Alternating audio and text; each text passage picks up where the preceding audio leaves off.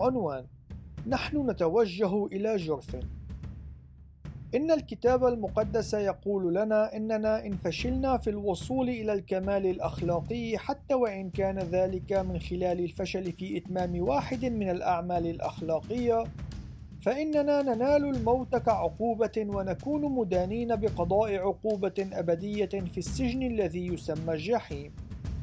أنا على ثقة أن معظم الأشخاص لا يعتقدون أن الأمر يجري وفق هذه الطريقة.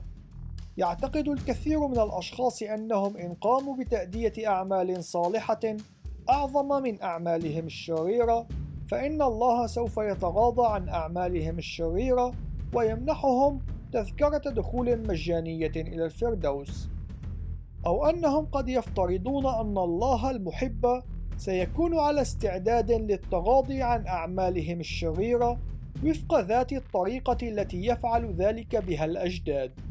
ولكن العدالة لا تتحقق وفق هذه الطريقة.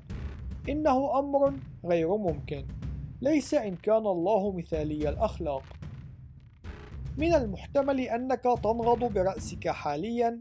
ذلك إن لم تكن قدماك ترتجفان.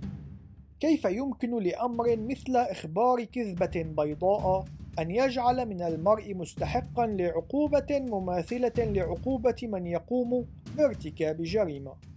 كيف يمكن للتلاعب بالضرائب أو الغش في الواجبات المدرسية أن يستحق عقوبة مثل عقوبة السطو على مصرف؟